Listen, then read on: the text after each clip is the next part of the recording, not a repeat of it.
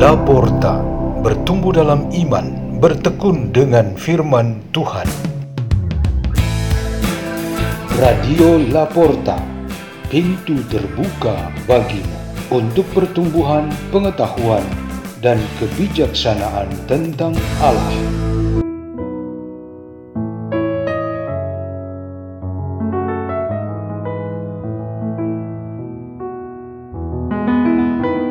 Bacaan dan renungan Sabda Tuhan hari Jumat, pekan ke-32 masa biasa, 18 November 2022.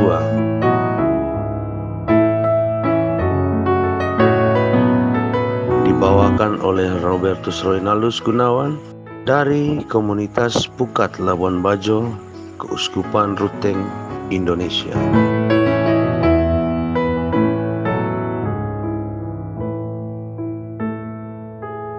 Inilah Injil suci menurut Lukas bab 19 ayat 45 sampai 48. Pada waktu itu Yesus tiba di Yerusalem dan masuk ke bait Allah. Maka mulailah ia mengusir semua pedagang di situ. Ia berkata, "Ada tertulis, rumahku adalah rumah doa, tetapi kalian telah menjadikannya sarang penyamun." Tiap-tiap hari Yesus mengajar di bait Allah Para imam kepala dan ahli Taurat serta orang-orang terkemuka bangsa Israel berusaha membinasakan Yesus, tetapi mereka tidak tahu bagaimana harus melakukannya, sebab seluruh rakyat terpikat kepadanya dan ingin mendengarkan Dia. Demikianlah sabda Tuhan.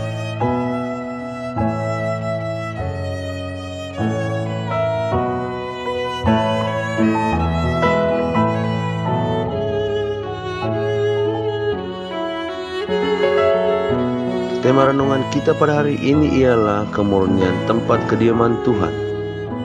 Seorang teolog dan apologetik Katolik asal Amerika Serikat, seorang awam dan bapak keluarga yang sangat terkenal saat ini, Dr. Scott Hahn berkata bahwa saat ini umat Katolik Amerika Serikat yang percaya akan kehadiran nyata Yesus dalam Ekaristi hanya 30 persen. Sisanya yang 70 persen tidak percaya bahwa Yesus sungguh hadir di dalam perayaan Ekaristi. Bisa saja banyak orang Katolik di wilayah lain di Indonesia juga tidak percaya dengan kehadiran nyata Tuhan Yesus di dalam Ekaristi. Bagi mereka, Ekaristi hanya sebuah doa bersama yang biasa. Efek dari sikap seperti itu tentu saja beragam, dan salah satunya yang terpenting ialah Tuhan tidak berdiam di dalam gereja, di dalam ekaristi, dan juga di dalam hati kita. Ketika Tuhan tidak ditemukan lagi di sana, maka tempat-tempat suci itu tidak dipandang murni dan bermartabat suci.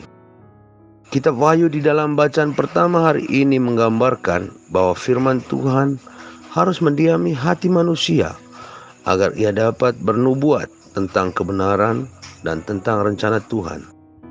Injil Lukas menegaskan bahwa bait suci atau rumah Allah adalah tempat yang harus dijaga dan dipertahankan kemurnian sehingga orang-orang beriman dapat berjumpa dengan Tuhan dan bersyukur kepadanya. Tuhan Yesus sangat jelas sikapnya dan ingin supaya baitnya itu dimurnikan.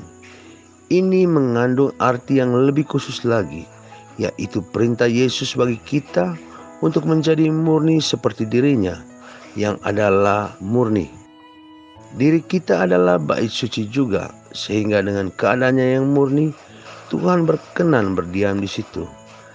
Kita pribadi-pribadi pria dan wanita membentuk umat Allah, yaitu gereja tempat Tuhan juga berdiam sepanjang masa. Yesus juga memurnikan gereja ini dengan memandikan air kekuatan sabdanya, supaya menjadikan itu gereja yang mulia, kudus, tanpa noda, dan tanpa cacat apa pun juga. Sebagai pribadi-pribadi yang menjadi tempat kediaman Tuhan Allah, kita memiliki tugas untuk selalu memurnikan diri kita melalui ketaatan kepada kebenaran dari Allah demi suatu persaudaraan kasih yang sejati antara saudara dan saudari di dalam Kristus.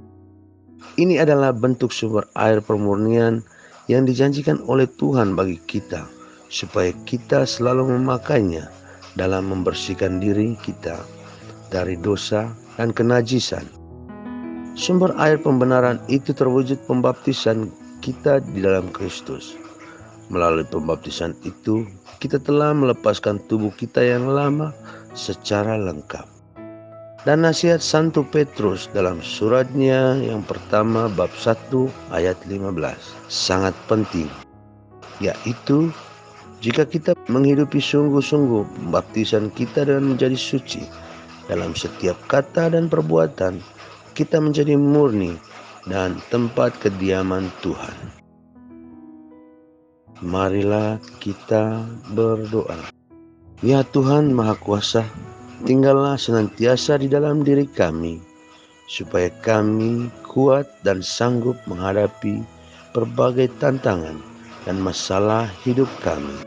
Salam Maria penuh rahmat, Tuhan sertamu, terpujilah engkau di antara wanita, dan terpujilah buah tubuhmu Yesus.